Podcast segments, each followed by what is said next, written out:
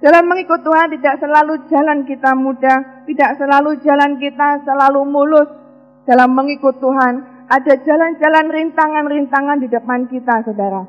Ketika Tuhan memberikan suatu janji-janji Tuhan yang besar buat kita, ketika Tuhan memberikan suatu visi buat gereja kita, saudara, saya percaya bahwa jalan-jalan yang kita tempuh tidaklah selalu mudah. Ketika Tuhan memberikan suatu janji untuk tahun demi tahun, saudara ya, untuk tahun ini bangkitnya pahlawan-pahlawan Kristus yang penuh kemenangan. Saya percaya bahwa ketika kita mendapatkan janji itu saudara, ketika kita ingin mendapatkannya, bukanlah suatu jalan yang mudah tiba-tiba di depan kita, kita muncul menjadi seorang pemenang. Ketika kita mungkin punya masalah, ketika kita mendapatkan janji Tuhan, kita percaya firman Tuhan, tidak selalu semuanya langsung tiba-tiba semuanya terjadi begitu saja, saudara. Ada banyak tantangan-tantangan di depan kita. Saudara, dan saya percaya bahwa kita di dalam kehidupan ini kita harus selalu berjuang menghadapi setiap tantangan-tantangan itu. Amin, saudara. Siapa mau berdoa Tuhan, jalankan mulu, uh, muluskan jalanku. Masih kita berdoa seperti itu. Tapi jika Tuhan memberikan jalan-jalan yang nggak mudah buat kita, kita mau berdoa Tuhan akan pasti berikan kita kemenangan. Amin. Tuhan akan janjikan berikan kemenangan. Tidak berjanji memberikan jalan-jalan yang mulus dalam mengikut Tuhan. Tetapi Tuhan janjikan kau akan diberikan suatu kemenangan. Kau akan diberikan kemuliaan demi kemuliaan tiap-tiap hari, saudara. Saudara kita akan buka dalam kitab bilangan pasal yang ke-13.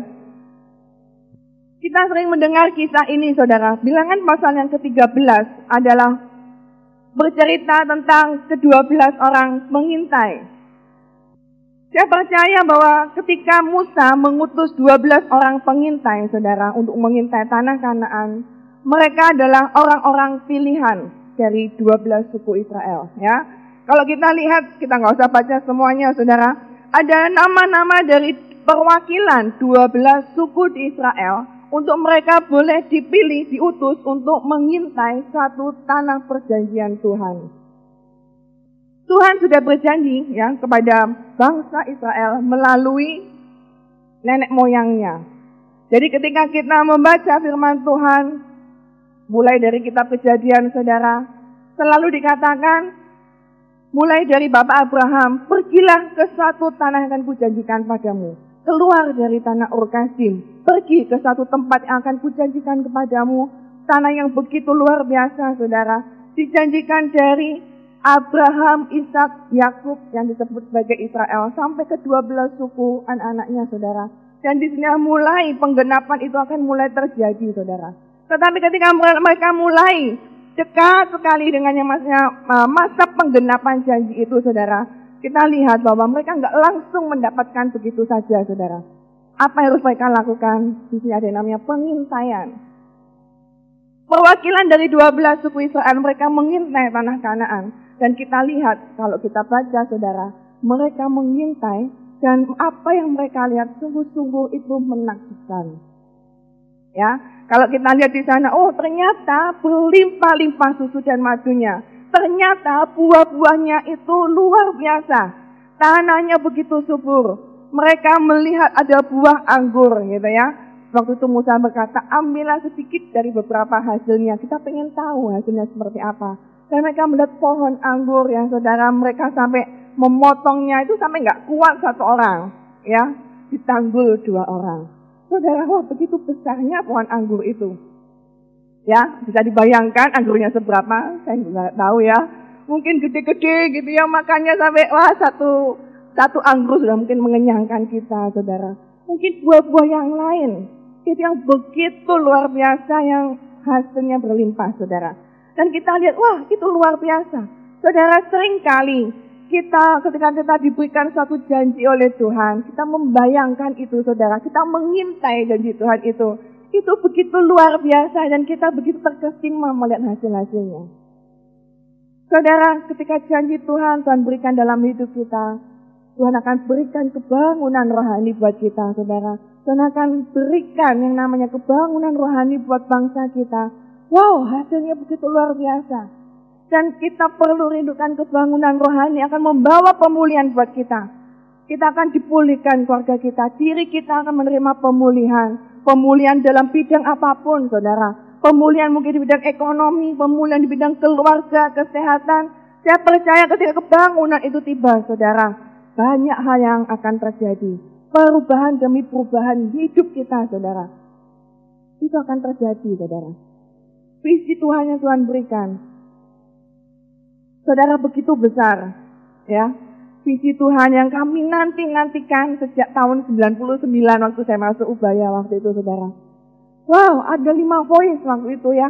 Ada lima voice, oh, saya hitung voice-nya apa aja gitu saudara. Ketika mulai bertambah ada dua voice lagi, ada tujuh voice saudara. Saya begitu menanti-nantikan dan bisa-bisa membayangkan apa yang akan terjadi. Oh, voice of prayer ada pendoa-pendoa yang benar-benar mencapai tingkat kerajaan. Mereka bisa menyentuh hati Tuhan. Akan doa-doa yang berkuasa, penuh dengan kuasa. Dan itu tidak hanya dilakukan oleh tim doa saja, saudara ya. Dan ketika kita bilang voice of prayer, langsung tertuju pada Sylvia gitu ya. Oh ini Sylvia aja ini yang harus berdoa. Saudara, ada suatu tingkatan-tingkatan doa yang berkualitas dalam hidup kita. Itu voice of prayer, saudara. Kita rindu semuanya bahwa voice of prayer akan terjadi dalam hidup kita. Cuma doa-doa kita nggak cukup cuma doa yang sekedar kita rutinitas. Tetapi doa-doa yang mencapai tingkat kerajaan yang berkuasa. Sehingga kita penuh dengan otoritas dari Tuhan. Saudara, voice-voice apa saudara yang benar-benar tertanam dalam hati kita? Voice of salvation, di mana media-media akan mulai dijalankan dan itu adalah suatu bayangan, kita akan mengintai itu saudara. Bahwa akan ada banyak jiwa yang dimenangkan untuk mengikut Tuhan. Ketika kita lakukan media-media yang penuh kuasa saudara. Kita rindu ada panti asuhan dan saya percaya suatu saat, tidak harus saat, tapi sebentar lagi akan terjadi saudara. Kita akan mengintai saudara. Kita akan mengintai ada anak-anak panti saudara. Yang lucu-lucu ya kalau kita bayangin suaranya yang lucu-lucu saudara ya Anak-anak panti yang lucu-lucu, yang mereka yang cintakan Tuhan, yang nurut-nurut, yang cantik-cantik gitu ya. Yang ganteng-ganteng. Nah, kita intai itu saudara. Ya kita didik mereka menurut kebenaran firman Tuhan. Mereka ada pendidikan yang layak saudara. Kita mengintai adanya rumah sakit dan segala macam saudara Tuhan yang berikan visi dalam gereja kita. Bahkan juga tidak hanya gereja kita, tapi itu akan masuk di dalam kehidupan kita saudara. Visi Tuhan yang Tuhan berikan itu akan masuk menyatu dalam diri kita. Sehingga kita ikut berjalan serasi, berdampingan dengan visi yang Tuhan berikan.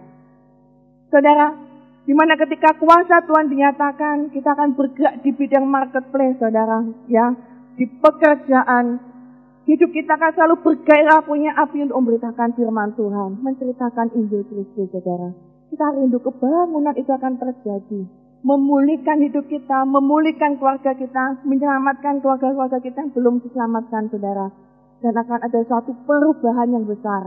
Akan ada suatu hasil-hasil yang luar biasa, saudara, yang akan kita terima, yang akan kita nikmati bersama. Saudara, seperti itulah 12 pengintai ketika mereka melihat tanah perjanjian Tuhan. Mereka melihat suatu hasil yang begitu besar. Saudara, tetapi apa yang reaksi-reaksi kita yang sering terjadi, saudara? Ketika kita melihat janji Tuhan di depan kita, ketika kita melihat janji Tuhan atas pemulihan keluarga kita, ketika kita melihat janji Tuhan, visi-visi Tuhan yang Tuhan berikan di depan kita, saudara. Hasil-hasil yang berlimpah yang Tuhan akan berikan. Pelayanan yang penuh kuasa, pelayanan di kampus, ya pelayanan di kampus yang penuh kuasa, saudara Ya, ketika kapan hari Lewi menanyakan buku ya, Change the apa? Kampus Change the World. Ketika saya bongkar-bongkar lagi ternyata ketemu gitu ya. Bahwa untuk mengubahkan suatu bangsa, mengubahkan dunia ini saudara, kita perlu yang namanya mengubahkan kampus. Kenapa?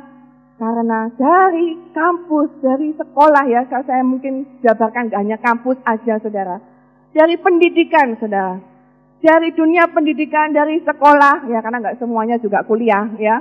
Karena buku itu memang bahasnya mengenai universitas, saudara. Tapi saya boleh lebih perluas. Dari sekolah, dari pendidikan, dari kampus, saudara. Dari sana akan lahir-lahir pemimpin-pemimpin yang luar biasa. Karena itu, saudara, dari kita mengubah sekolah kita, mengubah kampus kita, saudara. Dari sanalah kita akan mengubah dunia. Amin. Kita akan mengubah dunia. Dari diri kita terlebih dahulu, saudara, sudahkah kita diubahkan oleh Tuhan? Sudah kita mengalami Tuhan di dalam hidup kita. Ya kita akan mengobarkan api itu dan mengubahkan kampus kita, akan mengubahkan marketplace kita, akan mengubahkan sekeliling kita, saudara. Saudara, kita akan mengintai. Kita akan mengintai tahun ini, saudara, apa yang akan Tuhan kerjakan, apa yang akan Tuhan berikan, saudara, atas hidup kita. Tetapi kita akan lihat apa yang terjadi dengan 12 orang pengintai ini. Kita akan baca bilangan pasal yang ke-13, ayat yang ke-25. Kita akan baca sama-sama. Satu, dua, tiga. Sesudah lewat 40 hari, pulanglah mereka dari pengintaian negeri itu dan langsung datang kepada Musa, Harun, dan segenap umat Israel di Kadesi di padang gurun Paran.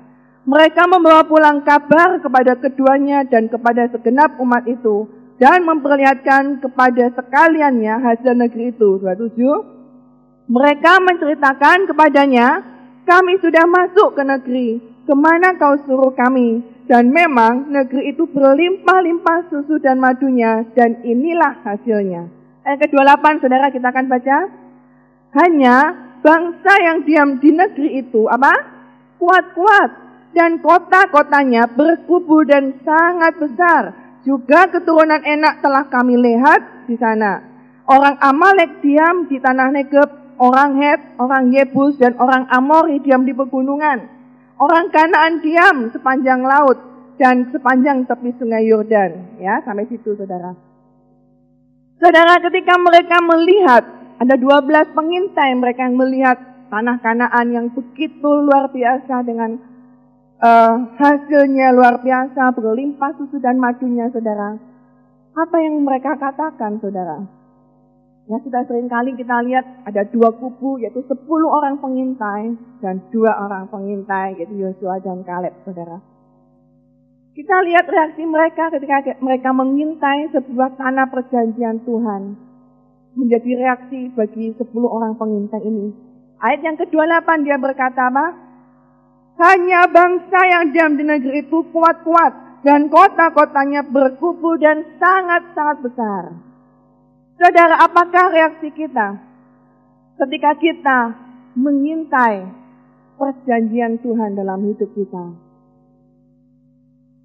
Ketika kita mengintai perjanjian Tuhan atas pemulihan keluarga kita, pemulihan Tuhan atas pemulihan ekonomi, pemulihan studi kita, saudara, atas janji Tuhan, visi Tuhan, saudara, kegenapan janji-janji Tuhan yang begitu luar biasa.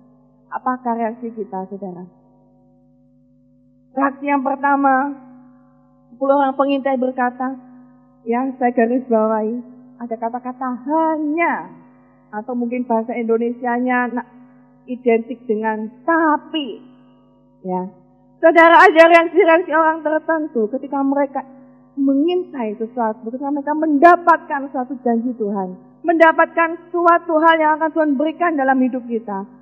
Kita selalu memiliki reaksi berkata apa? Tapi. Saudara ketika Tuhan menyuruh kita, ayo pergi ke kampus, ayo menangkan kampus, ayo pergi ke marketplace. Menangkan jiwa-jiwa di sana, jadi berkat di sana. Apa saudara reaksi kita? Ada yang bereaksi berkata, tapi, ya, tapi Tuhan, kuliahku ini tugasnya banyak. Setiap hari kuis, setiap hari banyak tugas, setiap hari ujian. Gimana saya bisa memenangkan jiwa? Ya di marketplace kita berkata, tapi kerjaanku banyak. Orang-orangnya sudah males saya gitu ya. Males saya ngeliatin orang-orang itu paling juga nggak akan dengerin saya. Saudara, orang Kristen yang selalu berkata, tapi, tapi, tapi, saudara. Dia selalu berkata, tapi Tuhan. Selalu mereka punya alasan-alasan mereka tidak ikut di dalam suatu kegerakan Tuhan. tidak ikut di dalam satu pemulihan dari Tuhan. Ketika Tuhan mau memulihkan keluarga kita, kita berkata, tapi rasanya nggak mungkin Tuhan. Tapi, tapi, dan tapi. Saudara, saya ingat sekali untuk beralasan sejak saya dulu waktu saya masih uh, di kampus, saudara. Ya, saya tahu masih ingat sampai sekarang bahwa ketika kita mungkin beralasan, ya, susah loh memenangkan ya kampus itu. Rasanya susah. Ketika kita mau berkunjung rasanya, selalu kita ada pikiran, saudara. Itu manusiawi kita. Kita selalu punya pikiran alasan, tapi sulit rasanya. Dan saya benar-benar ditegur waktu itu ya. Kita mungkin dengan teman-teman ditegur. Tidak ada kata tapi. Ya. Tidak ada kata tapi. Tidak boleh ada kata tapi. Tidak boleh ada kata hanya saja, saudara. Tapi kita mau belajar, saudara. Kita jangan bereaksi seperti 12 orang pengintai ini Ketika kita mengintai mendapatkan sesuatu yang besar dari Tuhan, kita berkata, tapi, ya, Kristen tapi, selalu ada tapi dalam hidup kita. Saudara, kita hancurkan kata-kata tapi, ya. Ayo sama uh, kanan kiri, jangan berkata tapi, gitu ya. Jangan berkata tapi, gitu ya, beralasan, saudara. Tapi, gitu ya. Saudara, kita harus belajar. Ya, seperti Kaleb waktu itu kita lihat pas uh, ayat yang ke-30. Kemudian Kaleb mencoba menenteramkan hati bangsa itu di hadapan Musa. Katanya apa? Tidak, kita akan maju dan menduduki negeri itu. Sebab kita pasti akan mengalahkannya.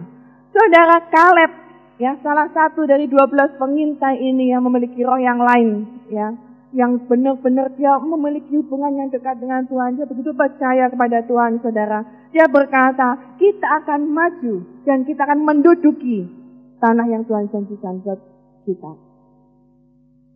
Saudara, Kaleb memiliki jiwa yang lain, memiliki roh yang berbeda. Kita rindu belajar memiliki hati seperti Kaleb.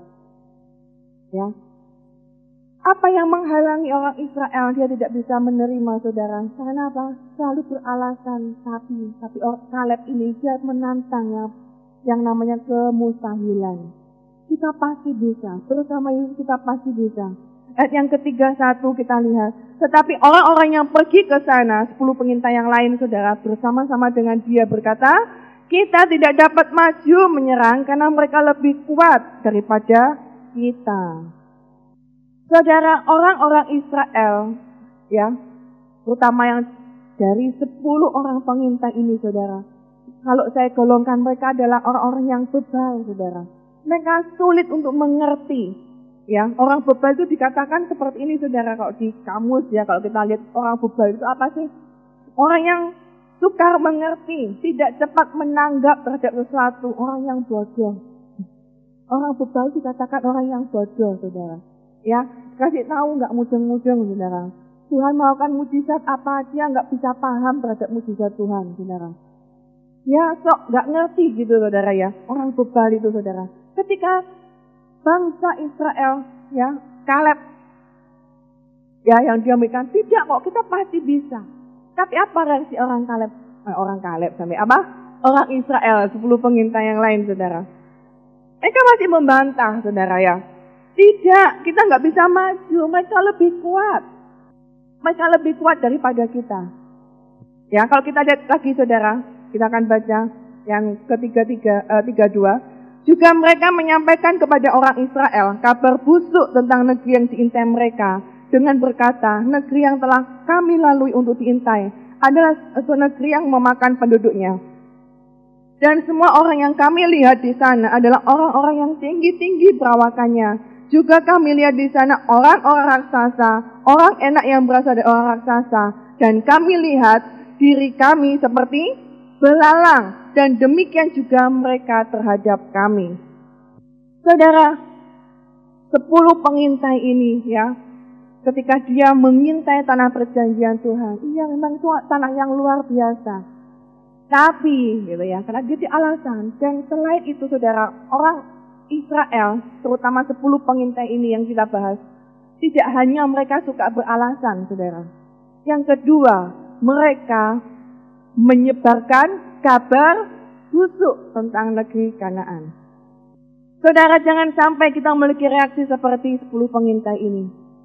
Ketika mereka mengintai tanah perjanjian Tuhan yang luar biasa, mereka beralasan, mereka tidak percaya saudara.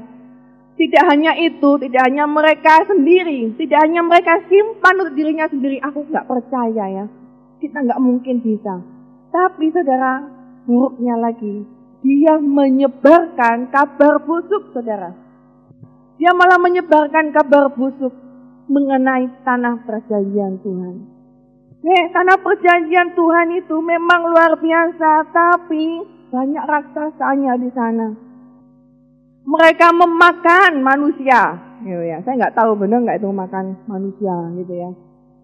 Apakah mereka suku dari kanibal, saudara? Dan kita ini seperti belalang. Saudara, ketika kita mendapatkan tanah perjanjian Tuhan dalam hidup kita, apakah reaksi kita tidak cuma kita nggak percaya, tapi apakah kita malah menyebarkan kabar yang busuk, saudara? Apakah kita malah membuat suatu komunitas gosiper, gitu ya? True gosiper, saudara ya. Saudara, membuat suatu komunitas bahwa kita akan membicarakan tanah perjanjian Tuhan menyebarkan kabar busuk mengenai tanah perjanjian Tuhan. Ya, karena kita punya alasan, kita nggak percaya, kita berkata pada teman kita, nggak mungkin terjadi. Kita berkata yang buruk-buruk, ya. Kita berkata tidak mungkin terjadi. Kalau kamu melakukan ini, kamu akan mati, kamu akan dimakan oleh raksasa, gitu ya. Kalau kamu berjalan pada visi Tuhan, hidupmu pasti akan menderita. Menderita bersama Kristus nggak apa-apa ya. Kalau menderita karena kesalahan sendiri itu yang nggak boleh, saudara. Saudara, kau akan menderita, kamu akan soroh hidupmu. Saudara, mungkin banyak perkataan-perkataan yang busuk yang akan diberikan oleh sepuluh pengintai ini buat kita, saudara. Ngapain kau pelayanan di gereja ini? Ngapain kau ikut visi di gereja ini? Ngomongnya salib terus gitu ya mungkin ya. Saudara, tapi salib Kristus itu yang menguatkan kita, saudara. Karena salib Kristus itulah yang buat kita diselamatkan, saudara. Saudara, kita belajar. Jangan sampai kita ikut-ikutan, saudara. Seperti sepuluh pengintai yang suka menyebarkan kabar busuk. Orang bebal itu adalah hidup dari iri hati dan karena sakit hati, saudara. Ya, orang yang bisa menjelek-jelekan, memberikan kabar buruk mengenai tanah perjanjian Tuhan, saya percaya hidupnya ada sesuatu yang tidak beres. Dia punya rasa sakit hati, mungkin dia trauma dengan yang namanya Tuhan, dia kecewa dengan Tuhan, saudara. Sehingga apa? Dia tidak bisa mempercayai Tuhan lagi. Hidupnya penuh dengan luka, Masa lalunya belum dipulihkan. Sehingga mereka berkata, tidak bisa. Aku tidak percaya. Dan orang-orang seperti ini gambar dirinya belum dipulihkan. Ya, hati-hati ketika kita memiliki gambar diri yang belum pulih, saudara. Mungkin kita udah sering kali dalam setiap retreat, ya, retreat pelayan Tuhan baru, retreat awal mahasiswa baru, saudara. Kita sering kali kita dengar khotbah tentang pemulihan gambar diri. Sudahkah kita benar-benar dipulihkan gambar diri kita? Saudara, orang yang gambar dirinya belum pulih, dia akan selalu merasa tidak bisa. Dia akan selalu merasa dirimu seperti belalang. Ya, seperti sepuluh pengintai dia berkata, kita ini seperti belalang di hadapan mereka. Mereka itu raksasa. Dan, dan uh, sepuluh pengintai ini juga berkata, saudara, demikian juga apa yang mereka lihat terhadap kami. Saudara, ini yang perlu kita lihat, saudara. Ternyata sepuluh pengintai ini nggak cuma merasa dirinya yang seperti belalang di hadapan raksasa, tapi dia juga menganalogikan bahwa orang enak raksasa itu juga berpikir hal yang sama tentang mereka, saudara. Jadi dia juga berpikir bahwa orang lain juga akan, oh jadi gini maksud saya, ini adalah timbal balik saudara. Tidak cuma sepuluh pengintai ini yang merasa orang lain lebih bagus dari saya. Orang lain yang lebih kuat dari saya. Saya nggak bisa, kan orang lain lebih bagus. Tetapi saudara, dia juga berpikir, orang lain itu juga berpikir hal yang sama tentang saya. Saya ini belalang di hadapan mereka. Mereka berpikir saya ini nggak bisa apa-apa. Dia selalu melihat bahwa orang lain berpikir hal yang jelek tentang dia, saudara. Orang yang seperti ini tidak akan pernah bisa mendapatkan tanah perjanjian Tuhan. Saudara, sudahkah kita pulih gambar diri kita? Apakah kita ketika kita ada raksasa di depan kita, ketika kita punya tantangan, punya masalah yang sulit, saya percaya untuk berjalan sesuai dengan berjalan kehendak Tuhan, untuk menjalankan rencana Tuhan dalam hidup kita, suatu hal yang mungkin gak mudah buat kita, saudara. Banyak raksasa-raksasa di depan kita. Tapi ketika kita menghadapi raksasa itu, saudara, apa yang kita pikirkan? Merasa kita seperti belalang, saudara? Atau kita memiliki sesuatu yang lebih besar, saudara? Kaleb dia berkata bahwa apa? Kita akan pergi mengalahkan. Ketika kita bicara mengenai raksasa, saya ingat kisah Daud, saudara. Ketika Daud melawan Goliat yang besar.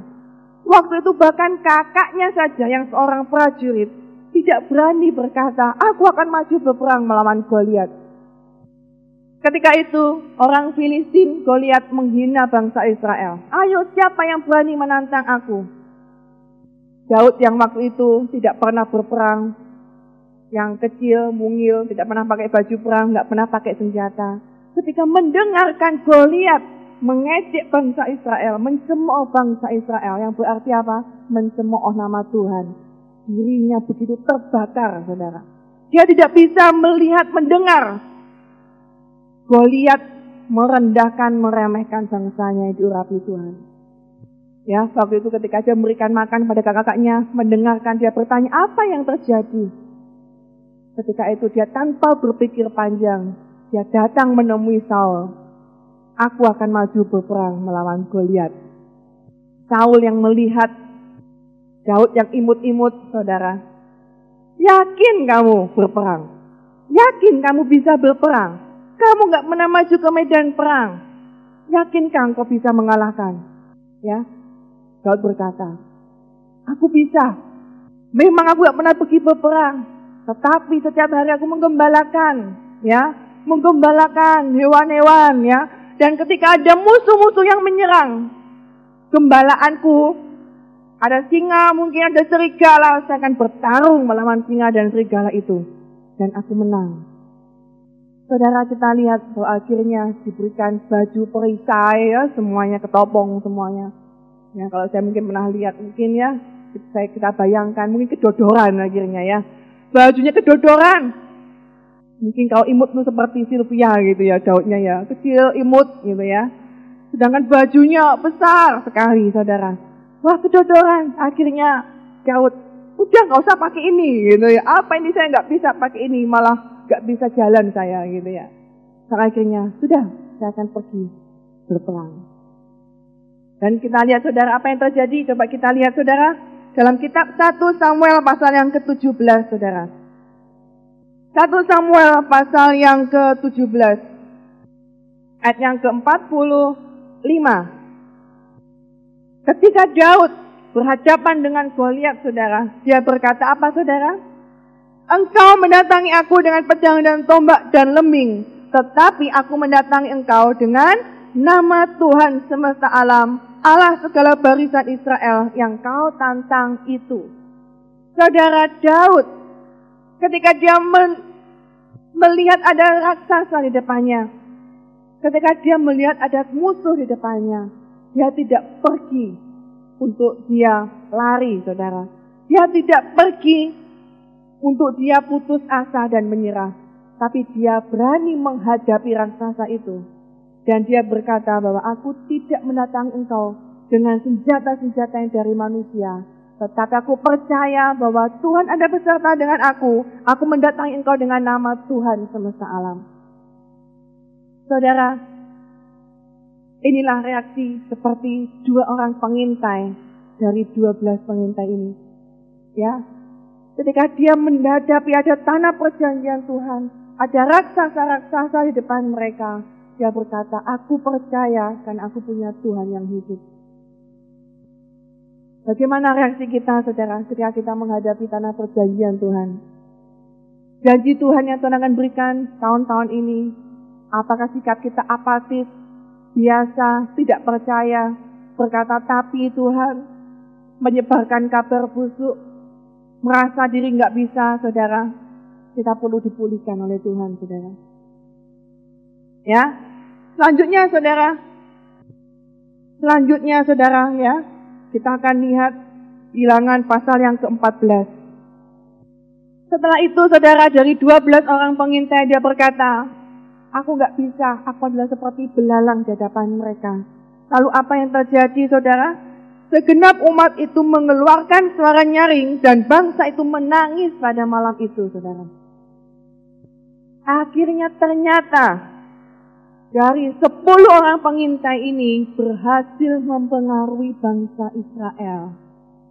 Ya, dari sepuluh orang pengintai yang menyebarkan kabar busuk, saudara, dia berhasil mempengaruhi bangsa itu. Dan akhirnya kau lihat saudara, bangsa itu menangis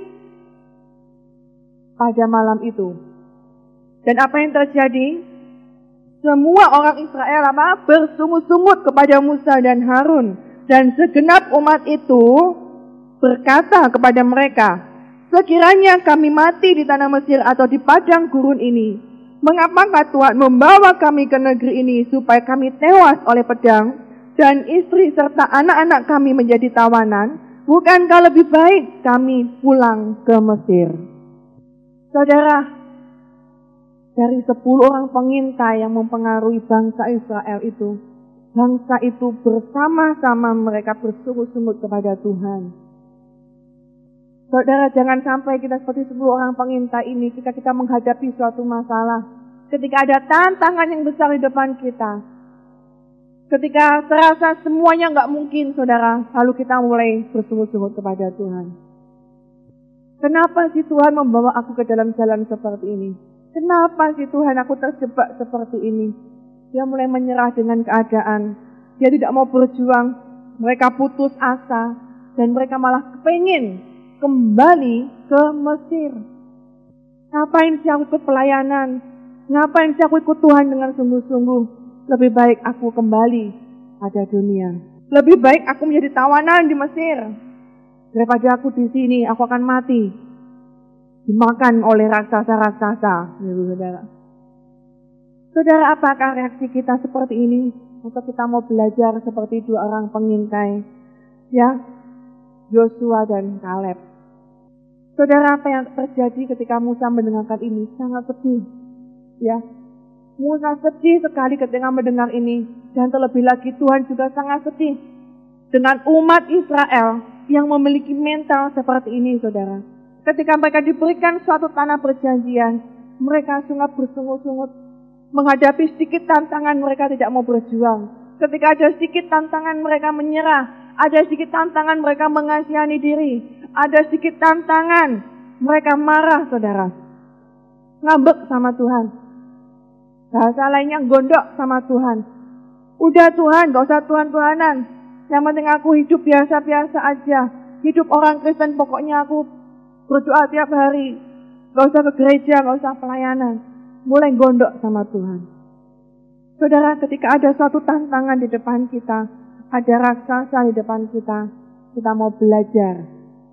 Yosua berkata, saudara, ayat yang ketujuh, negeri yang kami lalui untuk diintai itu adalah luar biasa baiknya. Jika Tuhan berkenan kepada kita, maka ia akan membawa kita masuk ke negeri itu dan akan memberikannya kepada kita. Suatu negeri yang berlimpah-limpah susu dan madunya. Hanya apa saudara?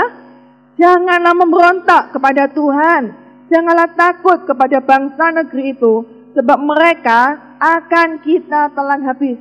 Yang melindungi mereka sudah meninggalkan mereka, sedang Tuhan menyertai mereka. Jangan takut kepada mereka. Saudara Yosua dia berkata, sudah jangan takut, Tuhan akan menyertai kita. Tetapi bangsa Israel, bangsa yang pemberontak, apa yang terjadi? Mereka malah marah kepada Yosua dan akan melempar Yosua dengan batu, saudara. Saudara, ini umat Israel ini sungguh-sungguh parah, saudara ya. Mungkin ketika Sylvia mungkin ya, karena dekat di sini ya, yang di depannya. Ketika Sylvia dia berkata, ayo kita pasti bisa. Dia hanya sama Hana gitu ya, yang semangat gitu ya. Ayo kita pasti bisa mencapai visi Tuhan. Kita ada pemulihan buat kita, buat pelayanan kita. Teman-teman yang lain apa? Ini melompari dengan batu apa kamu nih? Gak masuk akal. Gak bisa. Gitu ya. Gak mungkin bisa. Saudara, ini suatu hal yang menyedihkan. Ketika ada seseorang yang mau berdiri, ya, ketika seorang dia bersemangat, mungkin ketua-ketua kampus ketika dia mau menyemangati gitu ya, anak-anaknya, anak-anaknya ingin melempari dengan batu gitu ya. Itu tidak mungkin terjadi. Upaya benar raksasa-raksasa gitu ya. Banyak tantangan kita nggak mungkin bisa. Saudara, apa yang menghambat mereka tidak bisa masuk ke tanah perjanjian Tuhan? Mereka tidak percaya. Mereka suka berontak kepada Tuhan. Saudara, kita sedih sekali ya kalau melihat kisah ini. Mereka sudah sangat-sangat dekat dengan tanah perjanjian. Tinggal sedikit saja saudara, mereka tinggal maju sedikit aja. Tapi karena kesalahan mereka, kalau kita lihat apa? Mereka berontak kepada Tuhan, akhirnya mereka tertunda 40 tahun. Jadi 40 hari mereka mengintai, satu hari dan satu tahun. Sehingga mereka, bangsa Israel, mereka akhirnya tertunda masuk dalam tanah perjanjian Tuhan. Mereka harus keliling, muter-muter 40 tahun. Dan Tuhan berkata, sesungguhnya dari 12 pengintai, 12 suku ini saudara, hanya Yosua dan Kaleb yang akan masuk dalam tanah perjanjian. Dan sepuluh orang ini mereka tidak akan masuk. Mereka akan mati di padang gurun. Ya saudara, ini sungguh-sungguh menyedihkan. Saudara, saya percaya bahwa janji Tuhan buat gereja kita. Janji Tuhan kemenangan buat pahlawan-pahlawan Tuhan. Apa pun pergumulan kita saudara Apa pun peperanganmu hari-hari ini, apa pun raksasa-raksasamu hari-hari ini, saudara. Tahun ini Tuhan akan berikan kemenangan buat kita. Amin, saudara. Amin, saudara. Tinggal selangkah saja, saudara, kita berjalan. Kita belajar dari kita ini. Jangan sampai kita seperti sepuluh pengintai. Selalu punya alasan, tapi Saudara, kita harus mengalahkan kedagingan kita. Jika ibadah ada dua kali, saudara, jangan sampai kita juga kadang kedagingan kita, kita pasti punya alasan, saudara. Capek, ya. Capek, tapi, ya, pertemuan gembala tiap hari Rabu ada alasan. Tapi, saudara, kita selalu punya alasan untuk segala sesuatu, saudara. Kita belajar menjadi pasukan-pasukan Tuhan, pahlawan-pahlawan Tuhan yang tanpa bicara tapi. Ketika Tuhan mau memberikan suatu kegagalan buat kita, jangan sampai kita selalu berkata tapi Tuhan. Ya, jangan kita berkata tapi. Kita belajar saudara, kita terus berjuang tanpa menyerah. Jangan sampai saudara kita menjadi seperti 10 pengintai yang tidak pernah percaya kepada Tuhan. Mereka nggak mempercayai kuasa Tuhan. Mereka merasa dirinya selalu jelek, merasa dirinya selalu nggak bisa. Ya, kita akan buka saudara firman Tuhan ayat yang terakhir saudara. Ayat yang uh, Matius pasal yang ke-13. Matius pasal yang ke-13 ayat yang ke-58. Kita akan baca sama-sama untuk ayat hafalan kita saudara. Matius 13 ayat yang ke-58. Sudah katakan amin. Kita akan baca sama-sama. Satu, dua, tiga. Dan karena ketidakpercayaan mereka, apa saudara? Tidak banyak mujizat diadakannya di situ. Saudara, saya percaya bahwa kita akan mengalami mujizat-mujizat Tuhan. Mengalami kemuliaan demi kemuliaan. Tetapi kuncinya kita butuh namanya percaya. Karena ketidakpercayaan orang-orang di sana, maka tidak ada mujizat yang dilakukan Yesus di satu tempat itu, saudara. Jika kita mau ada mujizat Tuhan terjadi di tempat ini, mujizat-mujizat yang luar biasa yang akan Tuhan berikan buat kita. Saudara, kita butuh namanya apa? Percaya. Selanjutnya saudara kita buka dalam kitab Roma, pasal yang keempat. Roma pasal yang keempat, ayat yang ke-19.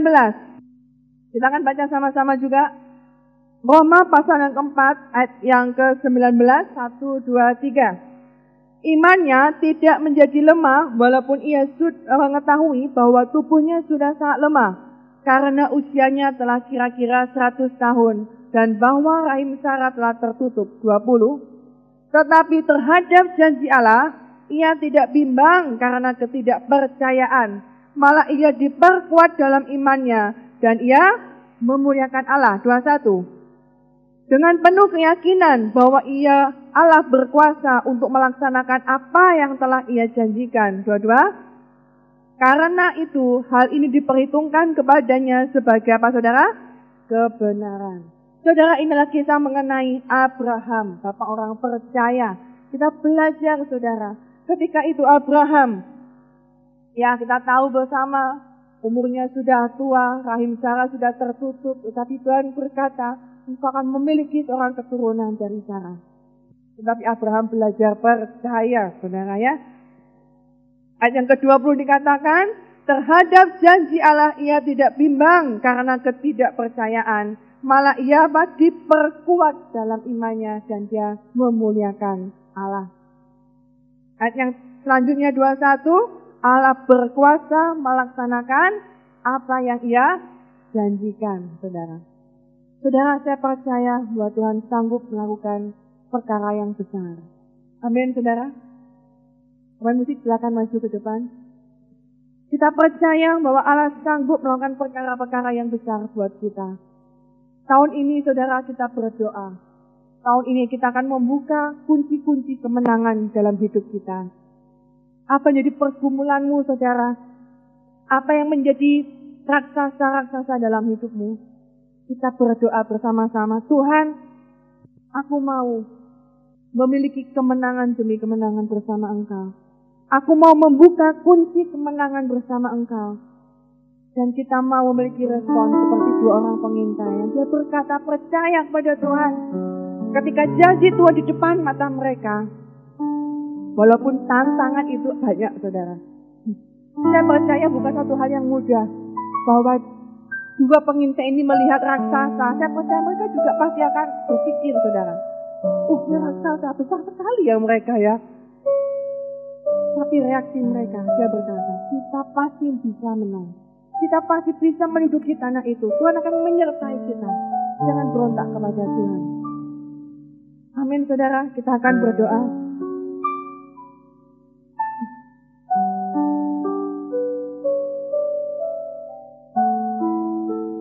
Mari kita mau merenungkan firman Tuhan.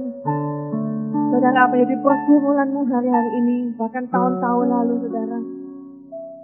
Apa yang menjadi pergumulanmu, permasalahanmu, peperanganmu, saudara. Apakah mungkin ketakutan-ketakutanmu terhadap masa depan, kekhawatiran-kekhawatiran, kecurigaan kita kepada Tuhan, kita punya raksasa-raksasa yaitu diri kita sendiri. Kita sulit sekali mengalahkan diri kita sendiri. Mengalahkan setiap kedagingan-kedagingan kita. Kita mungkin punya masalah. Masalah keuangan, masalah keluarga. Mungkin masalah kesehatan kita. Kita berdoa di hadapan Tuhan. Saya percaya Tuhan, kami sanggup menghadapi setiap raksasa itu dalam hidup kami. Dan tahun ini Tuhan, kami percaya Tuhan kami akan memperoleh tanah perjanjian itu. Kami percaya Tuhan kau sanggup menyertai kami, memberikan kami kemenangan demi kemenangan bersamamu. Tahun ini Tuhan kami rindu membuka kunci-kunci kebangunan Tuhan. Kami membuka kunci-kunci pemulihan Kau membuka kunci-kunci kemenangan bagi pahlawan-pahlawanmu. Ajari kami percaya kepadamu Yesus. Ajari kami percaya Tuhan walaupun apa yang terjadi di sekeliling kami tidak memungkinkan. Ajari kami percaya Tuhan walaupun kami tidak melihat. Ajari kami percaya Tuhan tidak dengan mata kami. Tapi ajari kami percaya dengan mata hati kami. Dengan mata iman kami Bapak.